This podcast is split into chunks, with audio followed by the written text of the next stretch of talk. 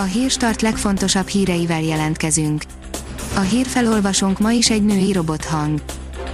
Ma augusztus 24-e, Bertalan névnapja van.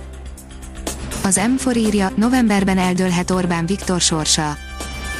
Az amerikai elnökválasztás nem csak az Egyesült Államokra, de a magyar belpolitikára is hatással lesz, amennyiben bukik Donald Trump, úgy egy fontos barátot veszít el Orbán Viktor, már pedig a dolgok most úgy állnak, hogy Trump veszíteni fog, ezért hajtja ezerrel a koronavírus elleni vakcina fejlesztését, amivel megfordítani reméli a közhangulatot. A Demokrata szerint a Gyurcsánypárt bocsánatkérésre szólította fel Orbán Viktort. A Demokratikus Koalíció szerint a miniszterelnök saját felsőbbrendűségét fejezte ki azzal, hogy kibérelt egy vitorlást. Torockai feljelentést tett a Pride zászló miatt, írja a 24.hu. A garázdaság miatt feljelentést teszünk, illetve jegyzünk szabálysértési eljárást indít a tettesekkel szemben. Az Index oldalon olvasható, hogy vámot csökkent az EU és az USA. Alacsonyabb vámtarifával lehet exportálni az EU-ból Amerikába egyes termékeket, például az élőhomárt.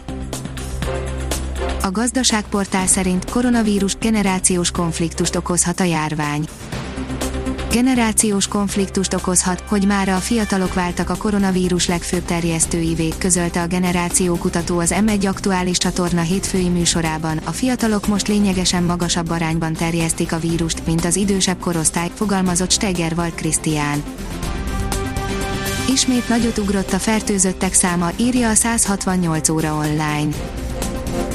A koronavírus.gov.hu oldal tájékoztatása szerint 36 újabb magyar állampolgárnál mutatták ki az új koronavírus fertőzést, ezzel 5191 főre nőtt a hazánkban beazonosított fertőzöttek száma. A privát bankár szerint Orbán és Zserasimov tábornok a titkos játszma. Lukasenka kérésére Moszkva közvetlen ellenőrzése alá vonta a belarusz állami médiát, értesülésünk szerint Budapest már évek óta kap a Kremlből olyan információs csomagokat, amelyeket aztán a kormányzat felhasznál a hazai és a térségbeli műveleteihez. Az Agroinform oldalon olvasható, hogy rendkívüli helyzet és rendkívüli árak az almapiacon.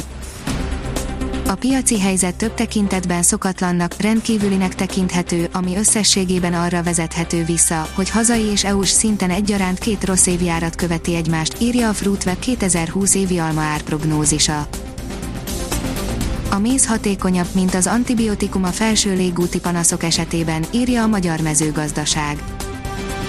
1761 különböző korú résztvevővel végzett 14 klinikai kísérlet adatbázisának tanulmányozása során kutatók arra jutottak, hogy a méz hatékonyabban és biztonságosabban alkalmazható a köhögés és a felső légúti panaszok enyhítésére, mint az antibiotikumok. Webber, mára megbántam, amit a Multi 21-nél tettem, írja a formula. Mark Webberrel David Coulthard készített interjút az F1 hivatalos oldalának, ahol az Ausztrál elárulta, mára már megbánta azt, amit a Multi 21-ként elhíresült botránynál tett, illetve amit nem tett. A kiderül oldalon olvasható, hogy megérkezhet az ősz első fuvallata a jövő héten. Augusztus utolsó hetében is kitart a meleg, a hétvégén 35 fokot is mérhetünk, a jövő hétre jelentősen mérséklődhet a nappali felmelegedés mértéke, de a nyár még nem búcsúzik végérvényesen.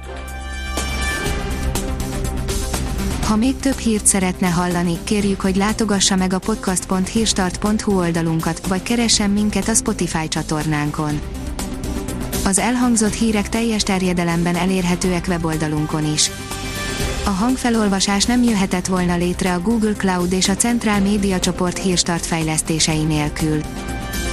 A hírstart kísérleti adását hallotta, a technológiánkat folyamatosan fejlesztjük.